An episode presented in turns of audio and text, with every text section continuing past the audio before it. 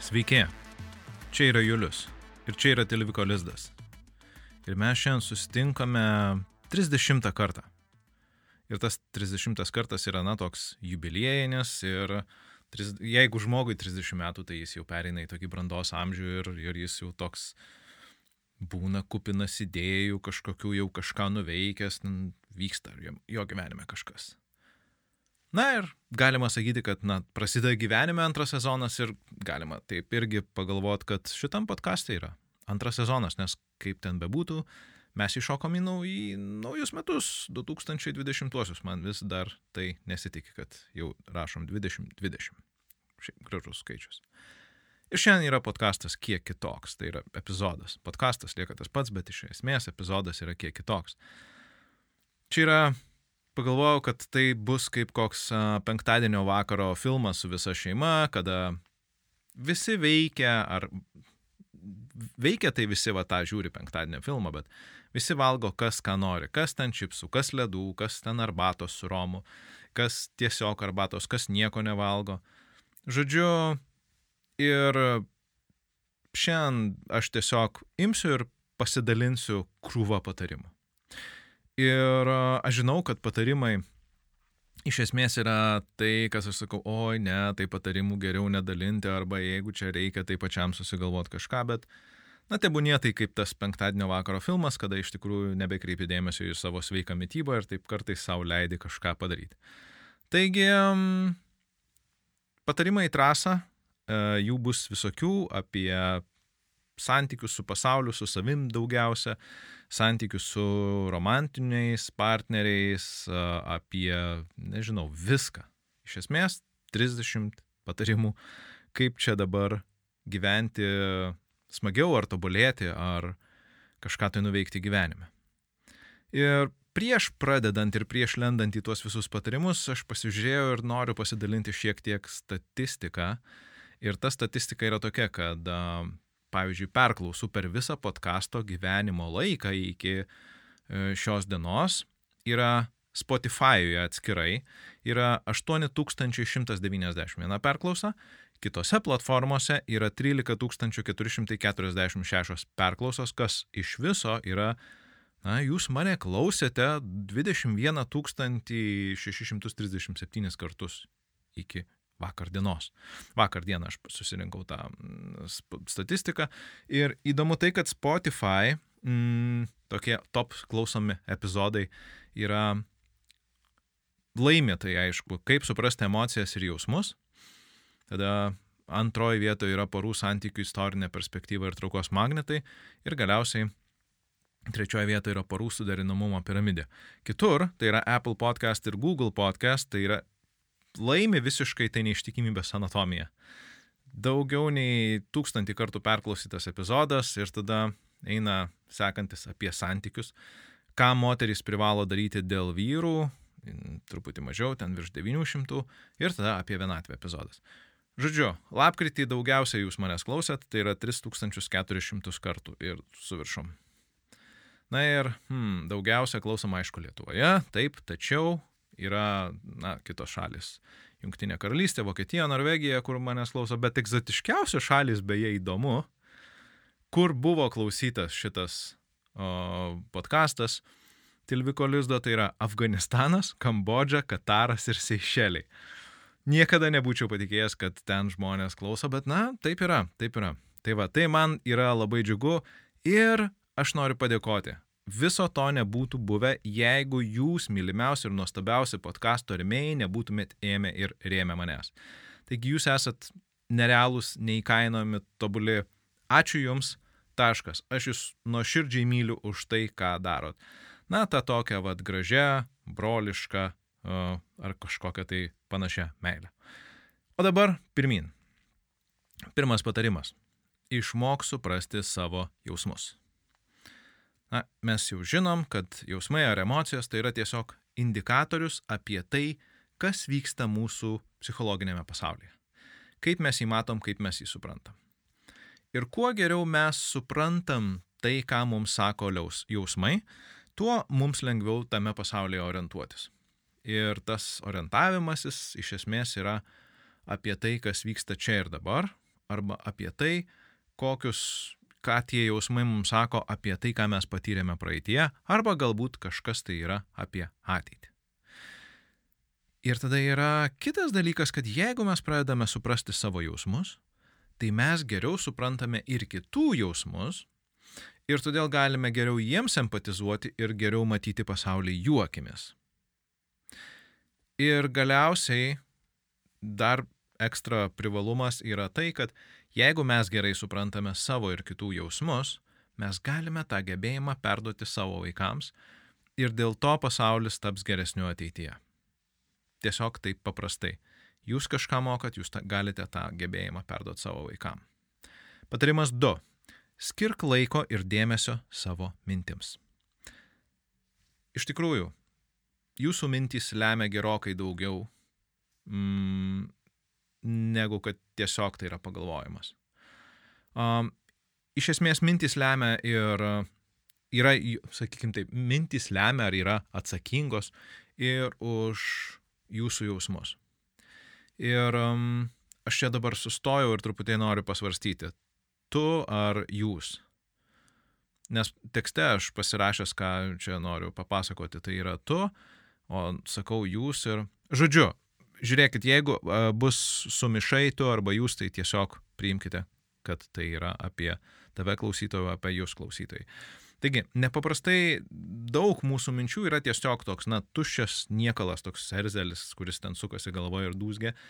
Ir um, jeigu mes susikoncentruojame į savo mintis, į tas, kurios yra sąmoningos ir prasmingos, mums yra tiesiog lengviau gyventi. Ir tada mes geriau suprantame patį save, mes geriau suprantame savo veiksmus ir jų rezultatus ir galiausiai mes turime vietos, kur mes galime pereiti iš gyvenimo tokio autopiloto, kur mūsų mintis tiesiog mus veda kaip, nežinau, kaip uh, už kokio pavadėlio, ten, kur joms norisi, į gyvenimą, kur mes kontroliuodami dalį savo minčių galime tiesiog prasmingai eiti į kažkuria pusę, į kurią mes norime.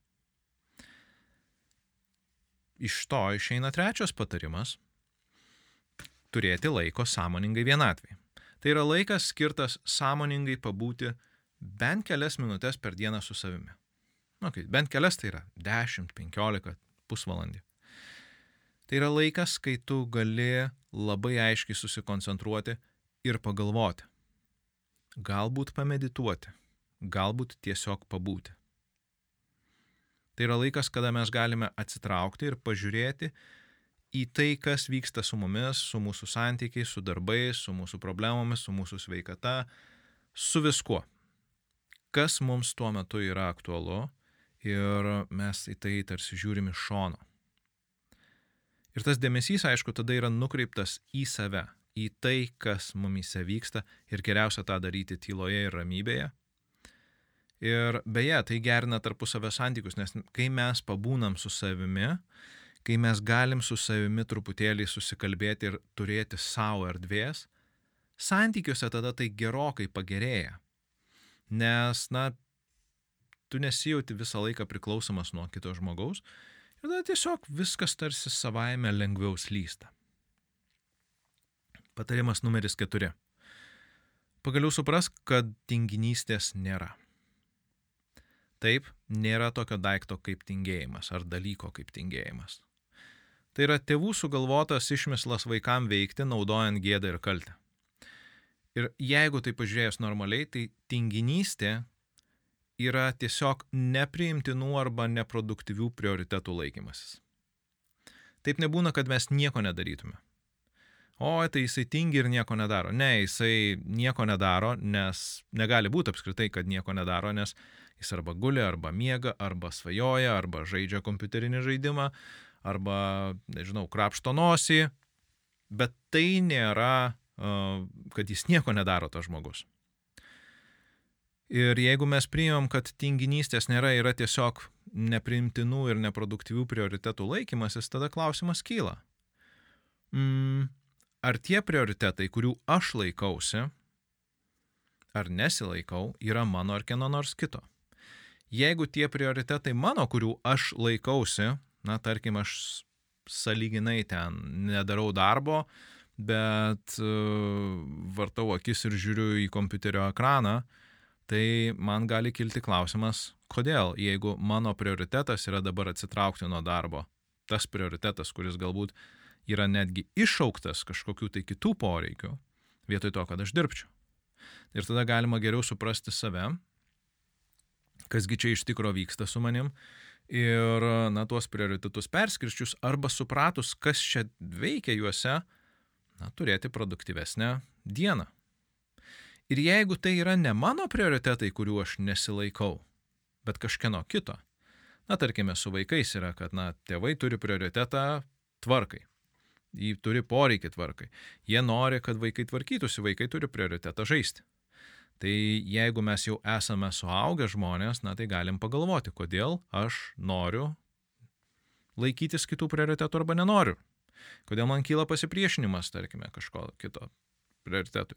Ir tada viskas supras, supaprastėja, nes jeigu nelieka kalties ir gėdos, atsiranda daugiau paprastumo, aiškumo ir gebėjimo e, kažkaip tai veikti nebe iš kalties ir gėdos, bet iš vidinės kažkokios motivacijos, kuri mus gali nuvesti ten, kur mums reikia. Penktas patarimas. Susipažink su naujomis keistomis ar net priešiškomis idėjomis. Mm, atrodo, Cunzu karo mene yra sakoma, kad jeigu tu nori nugalėti savo priešininką, tu jį turi pažinti. Ir, na, neretai, kas vyksta, kada žmonės susiduria su, su priešiškomis idėjomis, tarkim, aš pradėsiu nuo antro galo, su priešiškomis idėjomis mes ne, jom nepritarėm, mes iš karto pradedam pykti, o kaip čia galima taip galvoti, o kaip čia blogai. Bet net jeigu tai yra blogai, mes turime tas idėjas, mes galime, turime ne, bet galime tas idėjas suprasti ir tada suprasti, ar mes norime jas adaptuoti savo gyvenime, ar gal mes su jomis norime kovoti ir ką daryti su tuo. Su keistomis ir naujomis idėjomis, jeigu mes susipažįstam, tai reiškia, kad na, mes esame atviri naujiem potyriam ir, ir naujiem suvokimam ir galbūt savo žinių praplėtimui. Ir tai nereiškia, kad viską, ką tu sužinai, tu turi tuo priimti ir patikėti. Jausmai gali būti priešiški. Bet jeigu mes žiūrime tuos nematytus dalykus labiau smalsiai nei priešiškai, mes galime pamatyti gerokai daugiau mes galime suprasti kitus gerokai daugiau. Ir kada mes juos suprantam gerokai geriau, mes galime su jais geriau bendradarbiauti. Ir tada gali tai būti abipusiai naudinga. Todėl būkim atviri keistoms naujoms idėjoms. Šeštas patarimas - išsigydyk savo psichologinės vaikystės traumas. Hmm. Jūs žinot, apie vaikystės traumas aš kalbu ir kalbu. Ir um, turbūt suprantat patys, kodėl tai naudinga, bet jeigu tai yra mielas klausytojų, o pirmas epizodas, kurį tu Tilviko Lizdo klausai, kągi, o visi esame vaikystėje kažkaip traumuoti. Ir, na, tie tos traumos mus dažniausiai veikia taip daugelypiai. Faktiškai labai reti atvejai, kad ta trauma neveiktų mūsų. Ir tos traumos daro įtakos daugeliu sričių ir, na, apskritai atima iš gyvenimo tam tikrą dalį mūsų džiaugsmo kurį galėtume turėti šiaip, tai jeigu tų mūsų netemdytų tos psichikos patirtos skausmo šešėlis. Ir kalbant metaforiškai, tai čia panašiai kaip laivas būtų su išleistu inkaru, tai mes su ta trauma besivelkančia. Laivas gali plaukti, bet lietai, nes inkaras sukelia labai daug pasipriešinimo. Ir jeigu kažkur tai užsikabins inkaras, aišku, laivyboje tai ir yra tikėtina, kad jis užsikabins ir laikys, tai um, mes ir sustosim vienoje vietoje ir nejudėsim, nejudėsim į priekį. Todėl išsigydžius savo psichologinės vaikystės traumas, mes įsitraukiam tą inkarą ir judam pirmin. Ir septintas patarimas yra judėti. Pirmin galima atgal judėti, bet čia apskritai apie judesi. Nes mes visi gyvename savo kūne. Ir tas mūsų kūnas yra skirtas šiaip judėjimui erdvėje ir dalykų darimui. Taigi sportas, aktyvi veikla, bet koks judėjimas padeda mūsų jau tam paminėtam mąstymui, jis gerina savijautą, jis prideda energijos, jis gerina šiaip sveikatą ilgina gyvenimą, žodžiu, labai gerai, judėjimas yra ok, svarbu tik tai neperdozuoti. Ir plus, jeigu mes randame kažkokią mėgstamą sporto ar aktyvę veiklą, na tai gali būti ir smagu, tai papildomą džiaugsmą suteikia mūsų gyvenime. Judėkim. Aštuntas patarimas. Mokykis naujų dalykų, net jei atrodo ne į temą, net jei jie atrodo ne į temą. Taip, besimokydami naujų įgūdžių ir užsiimdami naujom veiklom, mes išjudiname savo mokymosi smegenų centrus. Tai reiškia, kad mes gebame įsisa, įsisamonti informaciją geriau ir, na, ugdome savo savivertę.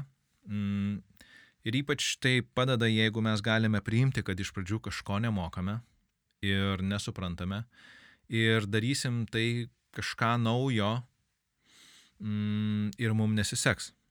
Ir po to, po truputėlį mes judėsim, judėsim, judėsim į priekį ir mums tada pradės sektis. Ir kągi, ta sėkmė tai rodo, kad na, mes galime kažką tai išmokti naujo. Ir tai gali būti bet kas. Žaisti tenisą, lipdyti keramiką, mm, nežinau, piešti, fotografuoti. Bus dalykų dar, apie kuriuos mes ten šnekėsim, kur iš tikrųjų galima mokytis kalbų galima mokytis, matematikos. O judame į kitą punktą, kuris siejasi su, pirm, su ankstesniu, tai daryti ką nors savo rankomis. Jeigu mes kuriam kažką su savo rankomis, tai mes nuolat susidursime su tam tikrais iššūkiais, nebent mes jau turime labai gerus įgūdžius kažką veikti. Nežinau, sukti varštą į sieną, pakeisti lemputę, surišti žvejybinį mazgą, nutapyti paveikslą, mm, nežinau, supjaustyti agurką labai greitai. Bet mokymasis daryti kažką savo rankomis, kur iš tikrųjų juda mūsų pirštai, kūnas ten ir visa kita, na tai lavina mūsų koncentraciją, padeda atsitraukti beje nuo ekrano ir leidžia sulėtinti tą beprotišką gyvenimo tempą, kuriuo mes visi lėkiam kaip greitai įgis, koks ten mm, traukinys, mm, kokie Japonijoje ten važinėja, taip greitai, greitai ir tu iš Tokijoje Osaka ten per, per, nežinau, vos nešviesos greičių nuvarai. Plus, jeigu moki kažką pasidaryti savo rankom, tai tai gali nekainuoti pinigų. Ir jeigu mes sukuriam kažką iš, nežinau, pavyzdžiui, iš medžio kokį ten išsidrožiam stalą, ne išsidrožiam, iš tikrųjų tai reikia e, susipjaustyti ten, susiklyjuoti. Ir ten nušlifuoti, nulakuoti ir visa kita, bet, na, iš esmės mes turim kažką tai, kas mums yra unikalu ir brangu, nes mes tai patys padarėm. Ir čia įsijungia toks savotiškas IKEA efektas. E, IKEA efektas e, yra, na, apibūdintas Dane Ariely, o knygoje e, Iracionalus racionalumas, kaip susirinkti baldą iš IKEA'os pats savo rankomis ir tada tas baldas tampa toks savesnis, nes, o, kaip fainai aš vat kažką padariau savo rankom. Tai mus nukelia į kitą punktą. Dešimtą. Niekada nesustok žaisti. Ir darimas kažko savo rankomis yra savotiškas žaidimas. Ir apskritai, tą akimirką, kai gyvenime mes sustojame žaisti, kai jame nebelieka žaidimo, gyvenimas nustoja didžiosios dalies savo žavesio. Ir todėl žaisti yra svarbu, ypač jeigu tu dirbi rimtą darbą. O greičiausiai žmogau, kuris tu dabar klausai, tai tu tokį ir dirbi. Ir tada žaidimo dalis gyvenime, jinai padeda atstatyti balansą. Ir žaidimas nebūtinai turi būti kompiuterinis žaidimas ar tenisas ar dar kažkas. Tai yra vieta, kur tu nesi įpareigotas, kur tu gali eksperimentuoti, kur tu gali bandyti, kur tu sieki rezultato kažkokio ir gali sustoti bet kada ir to nebedaryti. Nežinau, aš galiu pasakyti, kad na, šitas podkastas yra savotiškas man žaidimas, nors kartas nuo karto aš taip jaučiuosi, kad iš tikro mm, tai, jau, tai jau tapo tokiu vos ne darbo vietomis, kad na, aš jo turiu ten tą, tą, tą padaryti.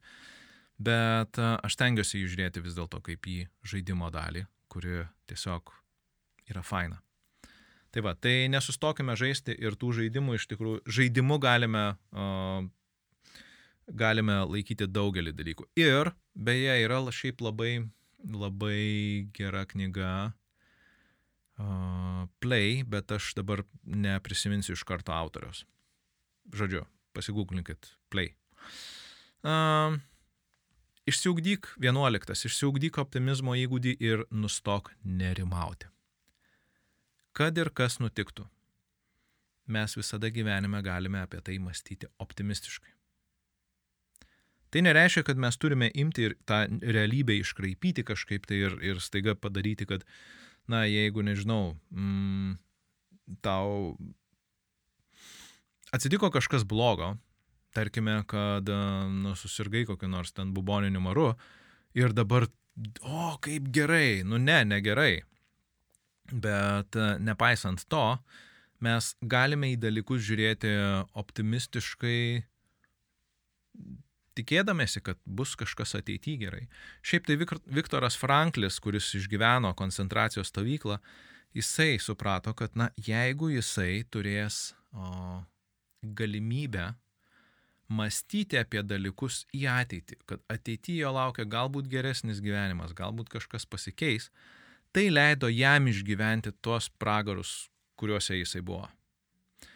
Ir kaip išsiugdyti optimizmo įgūdį? Paprasta. Į kiekvieną nerimastingą arba negatyvę mintį, kuri tau ateina galvon, tu turi savo galvoje duoti jai pozityvų atsaką. Tai yra optimistišką atsaką. Tarkime, mm, aš susirgau vėžiu. Gavau diagnozę, kad sergu vėžiu. Ir tada mano optimistiškas atsakas bus, o, bet tai aš žinosiu patyrimą, kok, kas tai reiškia chemoterapija savo kailiu. Tai nereiškia, kad turi būti lygiavertis kažkoks atsakas arba, hm, aš dabar turėsiu daugiau laiko savo, mažiau dirbsiu ir daugiau galėsiu susikoncentruoti ties savimi. Tai nereiškia, kad tas atsakas turi būti lygiavertis ir išspręsti problemą, ne.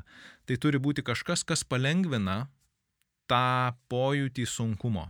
Tai, reiškia, tai nereiškia, kad mes tą problemą pamirštam ir jos nejudinam.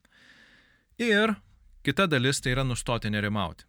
Kad lengviau būtų tą optimizmą praktikuoti, reikia mažiau nerimauti. Ir čia šitoje vietoje aš sakau, reikia. Nes a, didžioji dalis tavo nerimastingų minčių tiesiog nepasitvirtins. Tai yra tai, dėl ko žmonės nerimauja, yra dažniausiai neįvyksta. Ir jeigu įvyksta, tai įvyksta ne taip, kaip jie nerimavo. Ir paprasčiausias būdas, kad mažiau nerimaut, tai yra tiesiog, na, pasidaryti proaktyviai dalykus iš anksto. Bet šiaip nerimavimas neišsprendžia nieko, tik tai sušika gyvenimą ir tiek. Taigi, mažiau nerimauk ir išsiugdyk optimizmo įgūdį. Dvyliktas patarimas - nustok vaikytis laimės ir daryk, kas tau teikia prasme. Čia yra paprasta.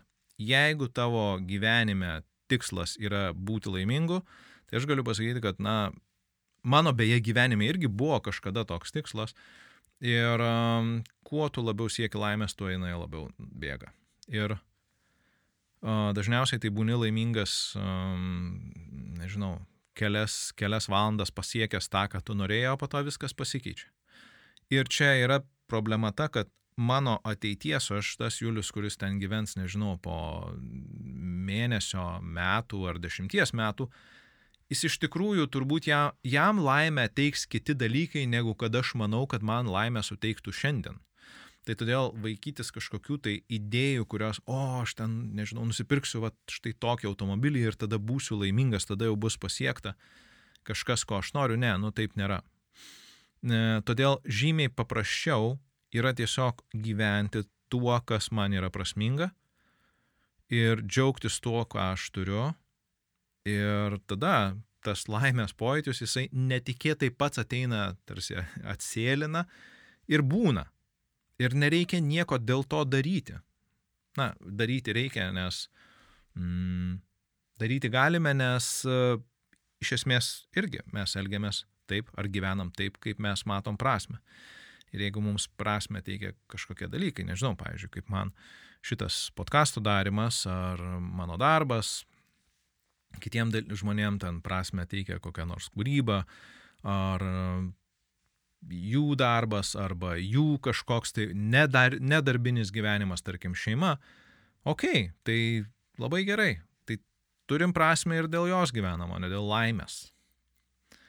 Taip, 13 patarimas. 13. Neklausyk patarimų, susigūglink juos ir prisitaikyk, kas tau tinka. Hm. Geras patarimas apie ne, patarimų neklausimą. A, taip, iš tikrųjų, kitų žmonių patarimai apie, ypač apie gyvenimiškas ar santykių situacijas, yra verti nieko. Nulis absoliutus barankos skilė. Nes jei tie tai, kaip patarė tas žmogus, tai greičiausiai bus pagal jo paties vertybės pagal jo paties resursus, pagal jo paties jau išgyventą patirtį, pagal žinias, pagal jo pasaulio matymą. Plus, jeigu tu manai, kad tas kitas žmogus gali geriau žinoti apie tave ir tavo gyvenimą negu tu pats, nu tai yra prastai, nes, nes tu tikiesi tarsi, kad kitas žmogus išspręs tavo situaciją už tave. Ir kas dažnai būna, kad žmonės paklausia patarimo, jie jį gauna ir tada jie sako, ai, nu ne, ačiū, nereikia, nes um, aš tiesiog manau kitaip. Tai yra, jie ieško patarimo tik tai tam, kad jie labiau ieško pritarimo. Ir tada, aišku, nu, tada neklausk pritarimo, tada tiesiog klausk. Ne, neklausk patarimo, klausk, okei, okay, žiūrėk, aš turiu štai tokią situaciją, noriu kažką tai padaryti. Ar ką tu galvoji, ar, ar, ar tai teisinga ar ne. Ir tas kitas žmogus pasakys, taip, tai teisinga arba ne, tai neteisinga. Ir mes ką padarysim patys, padarysim, padarysim. Kas įvyks, tai mes sutaupysim truputėlį laiko ir energijos kito žmogaus ir jam nereikės įsigilinti į tą situaciją, pagalvoti, duoti kažkokią atsaką. Taigi geriausia turbūt tada pasigūglinti patarimus, pasimatuoti juos, ar mums tinka, ir tada daryti, jeigu tinka. Nes šiaip patarimai yra šiek tiek kaip rūbai, mes pasimatuojam, aha, šitoj situacijoje aš, vat, jeigu taip elgčiausi, kaip aš jausčiausi, gerai ar blogai, nu gerai, okei. Okay. Ir galima patarimų klausyti, aišku, ties labai tokiais techniniais dalykais, kaip atsukti kokį užrūdyjusi varštą, ar kaip išsivirti gerus cepelinus, ar kaip sužvėjoti upėtakį. Taip, ten jau patarimai iš tikrųjų gali padėti. 14 patarimas ar idėja. Praktikuok dėkingumą. Tiesiog dėkok. Sau, kitiems, pasauliui. Už tai, ką turi, už tai, mm, kas, ką galbūt turėsi, ką, ką jau turėjai. Uh, ir jeigu tiesiog imsi ir jausi šiek tiek daugiau dėkingumo, tai pats būsi fainesnis ir savo, ir kitiems tau bus gerokai paprasčiau gyventi ir truputėlį reikalavimai kitiems ir savo, beje, nusileis ant žemės. Tai yra, jie taps tokie adekvatesni realybei. Ir pagalvojus, mes turime tikrai, dauguma mūsų turime tikrai gerą gyvenimą. Ir tada dėkingi būdami savo partneriui, draugams, kaimynams, kolegoms už tai, ką mes jau turime galime jaustis daug geriau. Tai nereiškia, kad mes nesieksime daugiau ar nenorėsime turėti daugiau, geriau, prasmingiau, bet padėkokim visi už tai, ką jau turime ir judėkime į priekį. O priekyje mūsų laukia štai kas. Kad jau kalbam apie dėkingumą, tai aš paprašysiu jūsų, kad jūsų dėkingumas pasireikštų praktiškai ir paprašysiu paremti pinigais podcastą. Tai labai paprasta. Tilvikas.lt įstrižas brūkšnys lizdas, nuoroda prisidėti ir paremti. Galite imti Patreon, PayPal, Bitcoin remimą, visa tai yra labai ok. Jeigu jūs remiat jau, ačiū Jums labai ir štai Jums dar truputį muzikytės.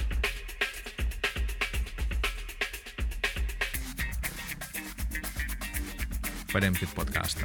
Ačiū Jums. Viskas, e, judam pirmin mm, ir penkioliktas e, lizdo patarimas. Atsiskirk nuo minios, nes jos mąstymas yra toksiškas. Tikrai taip. Kiekvienas mūsų, jei šiaip nesielgiam kvailai, esame protingi individai. Užtenka nesielgti kvailai ir jau esame protingi. Tačiau kai tie individai protingi susibūrė į vieną krūvą ir kuo ta krūva didesnė, mm, tuo jinai tampa labiau minė ir kvailesnė. O minė yra kvaila, gopši, kerštinga, pikta, pavydi ir apgaulinga. Ir dar visokių prastų įdų, įdas apibūdinančių epitetų galima pridėti apie minę. Ir kada tu esi minios dalis, tu nebesi to, tu esi minė. Ir mes žinome, kad būtent minios efektas jisai padaro daug, daug baisių dalykų. Patys baisiausi pasaulio dalykai vyksta dėl to, kad yra vienas psichopatas, kuris veda minę. Ir jeigu tu esi minios dalis, tu esi banda. Taigi atsiskirk nuo minios, būk žmogus, ne bandos dalis. Ir tavo mąstymas iš karto nutoksiškės. Šešioliktas patarimas. Kada tu atsiskiri nuo minios, eik į gamtą. Iš tikrųjų, tai patarimas būk gamtoje nes gamta yra nerealiai. Kai mes esame gamtoje, mes galim palsėti, mes galim persikrauti ir atsigauti. Aišku, kiekvienam atskirai, kiekviena gamta patinka, kam ten miškas, kam kokie vandenys.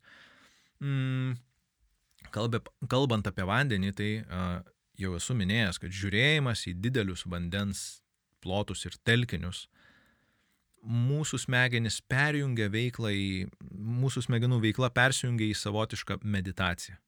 Tai yra bangos mūsų smegenų supanašėja su bangom, kurios pasirodo, o kai žmonės medituoja. Man bent jau tai tikrai taip jaučiasi, dėl to man patinka visokie vandeniniai dalykai, vandens sportai. Ir, bet panašiai gali veikti ir kalnai, arba šiaip tiesiog dideli atviri gamtos plotai. Taigi, būk gamtoj, nors kažkiek ir kada reikia persikrauti vadyk į gamtą. Ten tikrai bus ok. Patarimas 17, kuris nesisėja su gamta, nesitikėk, kad iracionalūs žmonės elgsis racionaliai. Taip jau yra. Mes tikimės, kad e, žmonės ims ir staiga čink ir jie pradės elgtis racionaliai, nors iki šiol taip nedarė. Ir su tuo mes susidurėm vėl ir vėl, kada, na, tarkime, mes turime kažkokį tai savo gyvenime toksišką žmogų ir mes vis sakom, nu, bet tai kaip jisai va taip, taigi žmogus galėtų susiprotėti ir suprast ten kažką. Arba, nu, kaip jisai taip elgesi, kodėl va ten jam nerūpi, kaip čia, reiškia, jo šeima gyvena. Nu, kodėl jisai va toks tinginys ten ar dar kažkoks, tai, nu, va galėtųgi žmogus negalėtų, nerūpi. Yra tas žmogus toksai. Mes vis tikėdamėsi, kad iracionalų žmonės, kurie anksčiau iracionaliai elgėsi ir parodė tą savo elgesiu, atsimenat, kad reikia, reikia, ne, mes apie tai dar, čia aš atsimenu, kad aš apie tai kalbėsiu, bet mes dar apie tai pakalbėsim ateityje, žodžiu, bet, okei, okay, sorry už nukrypimą, uh, Žodžiu, iracionaliai žmonės elgesi ir mes, jeigu jie elgesi iracionaliai, tai mes daromės išvadas iš jų elgsenos. Ir jeigu jau jie taip elgėsi, tai mums taiga bandyti su jais tartis racionaliais argumentais nėra prasmės. Ir tada tikėtis, kad jie kažkaip ims ir staiga ims ir persigalvos. Taigi tai tiesiog nenaudinga ir Jeigu žmonės yra iracionalūs, tai mes tiesiog paimam ramiai juos paliekam ramybėje ir suprantam, kad su jais geriau kalbėtis jų kalba, ta iracionalia kalba. Arba tikėtis kažko iracionalaus. Tai yra, jeigu tas žmogus, nežinau, mes bandom su juo susitarti, o jisai vėl daro nesąmonės, nu tai tikėtis, kad mes su juo arba nesitarėm, arba kad tai, ką mes susitarėm, vėl bus nesąmonė ir automatiškai iš to pasidaryti išvadas. Taigi, Nesitikėk, kad iracionalų žmonės elgsis racionaliai. Ir mes čia judam į 18 punktą, kaip čia to mums patiems racionalumo įgyti. 18 punktas yra mokykis logikos, argumentacijos ir taikyk mokslinį principą. A, iš tikrųjų visi šie dalykai gali gerokai padėti suprasti geriau save, kitus ir pasaulį. Reiškinius, šiaip labai stipriai išvalyti tave nuo visokių iracionalių mistifikacijų, baimių, nerimų bei visokių ten vylimus ir tikėjimų. Tai neišsprendžia visų pasaulio problemų, bet um, iš esmės tu gali geriau matyti tai, kas vyksta. Tu gali geriau suprasti, kaip tau būti su visu tuo, o, kas vyksta tavo galvoje ir apie tave gyvenime. Ir aišku, tai netaikytina ten, kur šitie principai negalioja. Pavyzdžiui, tarkim, nežinau, koks nors menas ar, ar, ar, ar kažkokia kūryba, kur iš tikrųjų ne viskas grįsta vien tik tai kažkokia tai logika. Nu, nėra pasaulis vien tik tai su, suskirstytas į bitukus ir baitukus ir loginės sekas ten ir, ir sprendinius įvairius. Ne. Bet tas supratimas padeda. 19. Praktikuok kokį nors meną. Kokį? grok, rašyk, lipdyk, drošk, piešk, fotografuok, dizainuok, filmuok, nežinau, daryk tai, kas yra meninė veikla. O, tai, kas tau limpa prie širdies, tai, kas ta, tave įkvepia. Ir darydamas tą meną, daryk tai vardant savęs. Dėl savo vidinio kurėjo, dėl savo mūzos, pavadinkim taip. Mm, mokykis kūrybiškumo, drąsos save reikšti taip, kaip tau iš tikro norisi. Ir praktikuodamas kažkokį meną, tu gali matyti tą pasaulį savo unikaliu kampu, tavo kampu ir tu iš ten ir žiūrėk, tu iš ten ir kurk, iš ten ir daryk tai, kas tau iš tikrųjų noris. Ir čia gali būti ta vieta, kur tu gali pabėgti nuo rutinos ir, ir atsakomybių ir nuo visokių rėmų, dogmų ir ta vieta, kur tu gali pabūti su savimi ir ta vieta, kur mm, tu gali mm, žaisti, nes labai daug yra viso to žaidimo tame visame, kur tu gali patirti, padaryti kažką savo rankomis irgi. O, na, iš esmės tai labai daug susiveda to, ką mes jau apkalbėjom į meną. Ir aišku, kurk savo Arba mylimiem žmonėm, tavo labai labai artimiem žmonėm, arba savo. Bet vėlgi, nedaryk to dėl pagirimų, dėl laikų, šierų, peržiūrų ar pardavimų ecija. Ne. Tai yra, tada tavo kūryba tampa darbu. Svarbiausias žiūrovas tavo ar klausytojas ar, ar, ar nežinau, kažkoks tai, mm, dėl ko tu darai, tai yra tavo tas vidinis kuriejas. Dėl to tu tai darai. Judam į 20 patarimą. Išmok gaminti, valgyti ir valgyk tiek sveikai, kiek tau gaunasi. Jop, šitas geras iš tikrųjų, nes kai mes mokame skaniai ir sveikai gaminti, valgyti, tai galime tuos du dalykus, skaniai ir sveikai, kurie šiaip ne visada suderinami, imti ir suderinti. Ir nereikia vaikytis kažkokių ten super duper reikalavimų sveikatai, tiesiog tai, kas tau priimtina sveikai, iš tos vietos ir gali pradėti, galima aišku, po to ten auginti tą sveikatingumą aukščiau, aukščiau, aukščiau ir um, nuvaryti tos visus, nežinau, reikalavimus savo truputėlį pakelti tą kartelę ir pakelti kartelę tai, to, kaip tu gamini ir tai jau bus gerai.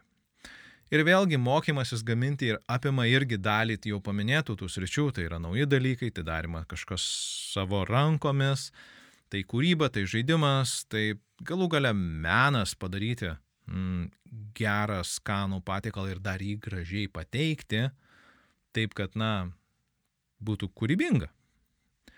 Ir aišku, tą galima daryti su artimais ir mylimais žmonėmis ir tai smagus būdas yra būti kartu su draugais, bendrauti, turėti tiesiog gerą laiką. Taigi, išmokti gaminti, skaniai valgyti ir sveikai, maitintis kiek tau gaunasi yra ok patarimas, turbūt, nežinau.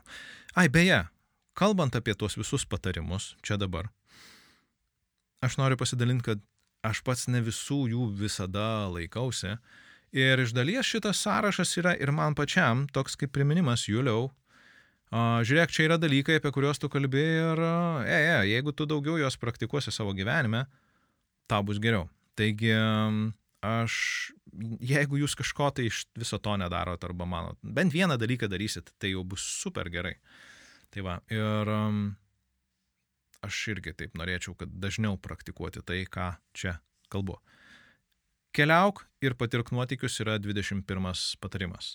Ir um, keliavimas pakeičia mūsų požiūrio kampą į pasaulį, jis atveria naujas erdves, vietas, skonius, kvapus, kultūras, kalbas, žmonės. Ir tada mes esame labiau čia ir dabar. Mes negyvename savo galvoje, mes išeiname iš savo komforto zonos ribų ir visa tai yra gerai. Visa tai padeda mum praturtinti savo gyvenimą. Ir tai veda į kitą patarimą, 22, įgyk daugiau prisiminimų ir įspūdžių nei daiktų. Faktas, kad e, ypač dabartinė mūsų na, visa ekonomika ir um, visa visuomenė taip gyvena ganėtinai tokioj uh, daiktiškoj aplinkoj ir ekonomika visa stumia, kad na, vyktų kuo daugiau pardavimų ir dažniausiai tai pardavimai yra kažkokių tai daiktų ir toks pateikimas, kad tie daiktai mums kažkaip tai pagerins gyvenimą ir be jų iš, iš esmės mes negalime gyventi ir būti laimingi. Kas iš esmės yra priešingai. Mm, turėti daugiau patirčių, įspūdžių ir prisiminimų nei daiktų yra žymiai geriau, nes daiktai, nu ką, jie greitai atsibosta, pasensta, išeina nauji, reikia naujesnio, reikia to, kuris daugiau džiugina, žodžiu. Naujas automobilis gali džiuginti ten, nu, pirmas, pirmas tas, vat, susižavėjimas, jisai trunka, na, gal metus. Po to taip jau ramiau, ramiau, jeigu jis trunka metus. Būna, kad žmonės nusipirka automobilį, žiūrėk, po mėnesio jau sako, mm, gal čia nelabai, gal čia jau geresnio, dar kažkas. Ir, ir tam, tiem daiktam įsigyti mes sunaudojam krūvas resursų. Kai tuo tarpu mūsų prisiminimai ir įspūdžiai jie gali likti visam gyvenimui iki pat jo galo. Ir tada mes einame į 23 punktą. Išmok elgtis su pinigais.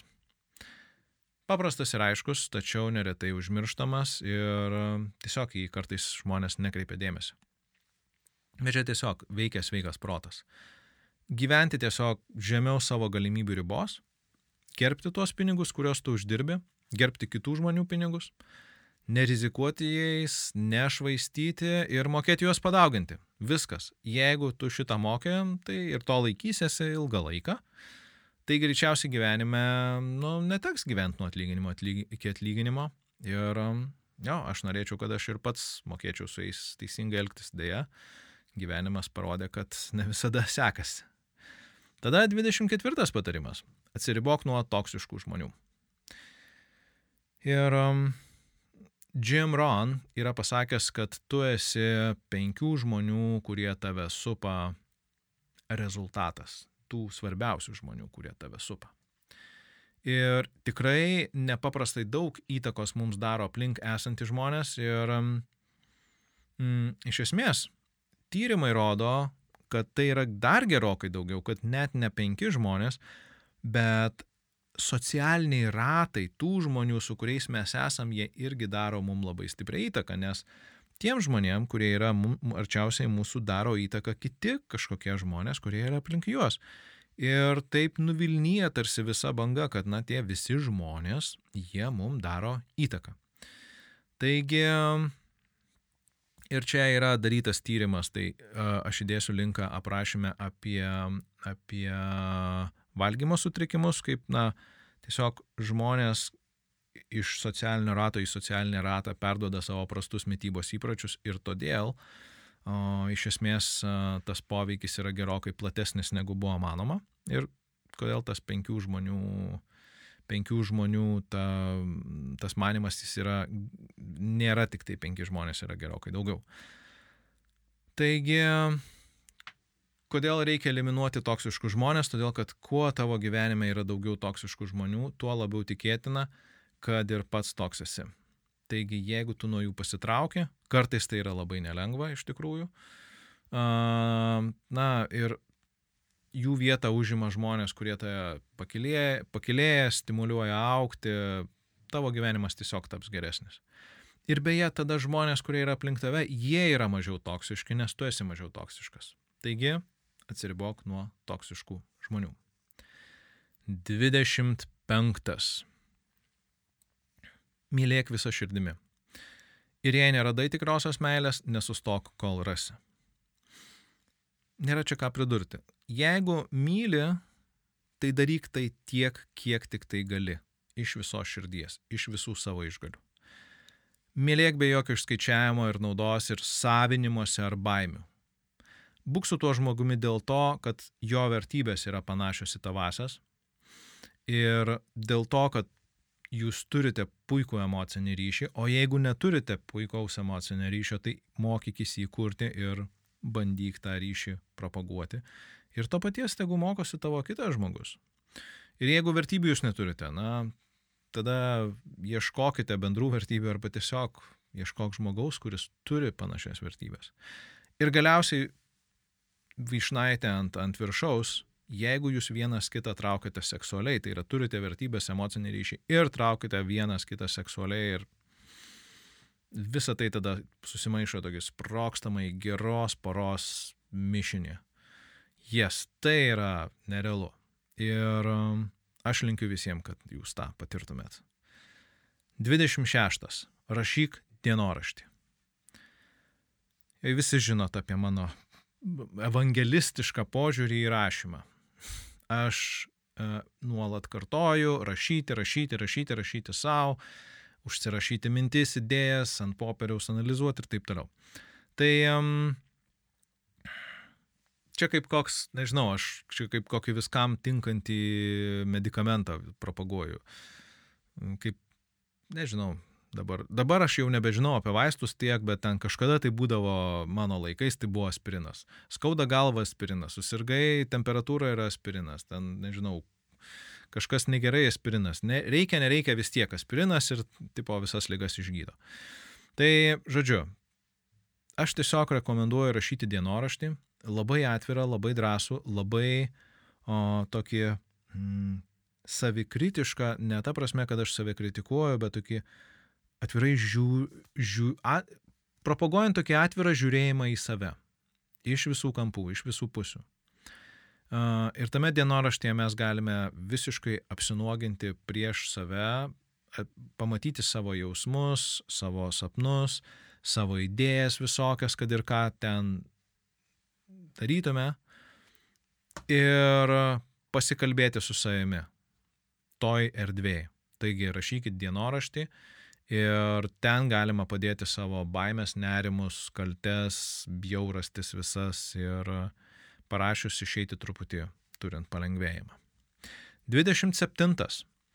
Pasitik žmonės atvirai, tačiau laikykis savo ribų.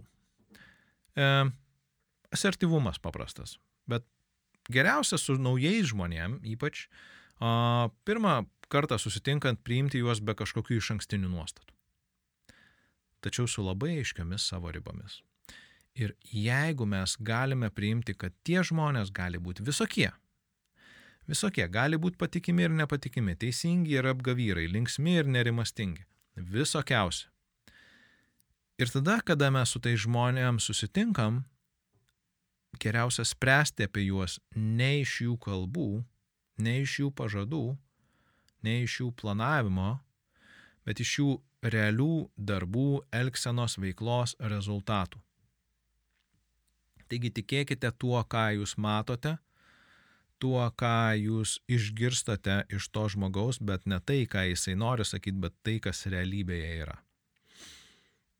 Ir tada mes keliaujame 28. 28 yra prisijimk atsakomybę. Savo gyvenime prisijimk atsakomybę už savo veiksmus, jausmus ir elgseną. Ir už savo mintis taip pat gali prisimti atsakomybę, nes jeigu tu skiri laiko pabūti su savim, pakontempliuoti savo mintis, jas užsirašyti, na, tada tu turi daugiau kontrolės. Ir tai nereiškia, kad mm, viskas, kas apskritai tavo gyvenime vyksta, yra tavo atsakomybė, nes um, jame yra dalyka, dalykai, kurie nuo tavęs nepriklauso. Tai yra um, visokie įvykiai, atsitiktiniai, kurie atsitinka, tai yra gamtos reiškiniai, tai yra kiti žmonės, kurie turi savo gyvenimą ir tu ne visą laiką, faktiškai mažąją dalį gali įtakoti tai, kaip jie veikia bet gali kažkiek. Tai va tiek, kiek nuo tavęs prisi, priklauso, prisimk atsakomybę. Ir um, tai pagerins tiesiog tavo gyvenimą po truputėlį geriau ir geriau ir geriau. Ir um, tada vėlgi, mm, jeigu už savo veiksmus ir už savo jausmus mes esame atsakingi, tai mums tada yra palengvėję, nes tada mes turime didesnę kontrolę. Ir tada nesiorientuojame į kitus, labiau orientuojamės į save. Ir 29. Išmok spręsti konfliktus. Labai paprastas faktas, kad mes susidurėm su konfliktinėmis situacijomis nuolat. Tai yra normali, normalus pasaulio būvis nuolatinėme konflikte buvimas. Gamtoje vienas kitą nori gyviai suvalgyti, mes nuolat konkuruojame, žmonės su, su gamta dėl resursų, žmonės su žmonėm dėl resursų, žodžiu, visi nuolat konkuruoja, tai reiškia, kad vyksta nuolatinis konfliktas. Ir aišku, mes labiau konfliktinės situacijas matome, kada mes iš tikrųjų norime kažko, ko nori ir kiti žmonės, tik tai jie nori savo kitaip. Ir čia naip tol aš nesakau, kad konfliktas yra barnis. Ne.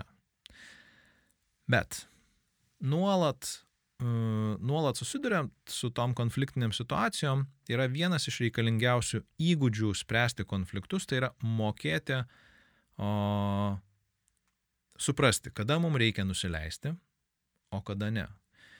Išmokti dėrėtis, išmokti susitarti išmokti pamatyti problemą iš e, oponento pusės. Išmokti laikytis savo, atremti agresiją, jeigu to reikia. Taigi, jeigu mokame spręsti konfliktus, tai yra labai labai didelis priedas mūsų gyvenime. Ir čia mes nukeliaujame į 30 ir paskutinį idėją ar patarimą. 30 būtų. Kartais pažiūrėk į žvaigždės. Galiausiai, bent kelis kartus per metus specialiai pažiūrėk į žvaigždėtą dangų - naktinį. Jei tu gyveni mieste, nu, tai gali tiesiog nuvažiuoti specialiai jį pažiūrėti ten, kur netrukdo miesto šviesa, kur nėra užterštumas šviesa. Nereikia kažkokio ypatingo prietaiso ar ten teleskopo ar žiūrono. Tiesiog pakelk akis ir pasižiūrėk. Ir tada pabandyk priimti, kad ten, kur tu žiūri į tą juodą, tokį tamsą, kur žyba žvaigždės, ten yra beribė erdvė. Ten niekada, niekada nesibaigia erdvė. Nėra pabaigos. Tai jau yra pakankamai kreizį. Ir tada, kai suprantam, koks esi žmogus mažas, na, visatos prasme mes esame nematomas taškelis. Mes kryjam ant didžiulio mėlynai žalio rutulio tokioj šaltoj kosmoso erdvėjai. Ir kas yra nuostabiausia, kad, žiūrėk, tu gali žiūrėti į tą kosmosą. Ir tu tuo metu jauti, kad tu esi. Tu supranti dalykus, tu kuri savo gyvenimą, tu kažką myli, tu esi kažkieno mylimas. Tu tiesiog esi. Tu žiūri žvaigždės ir esi.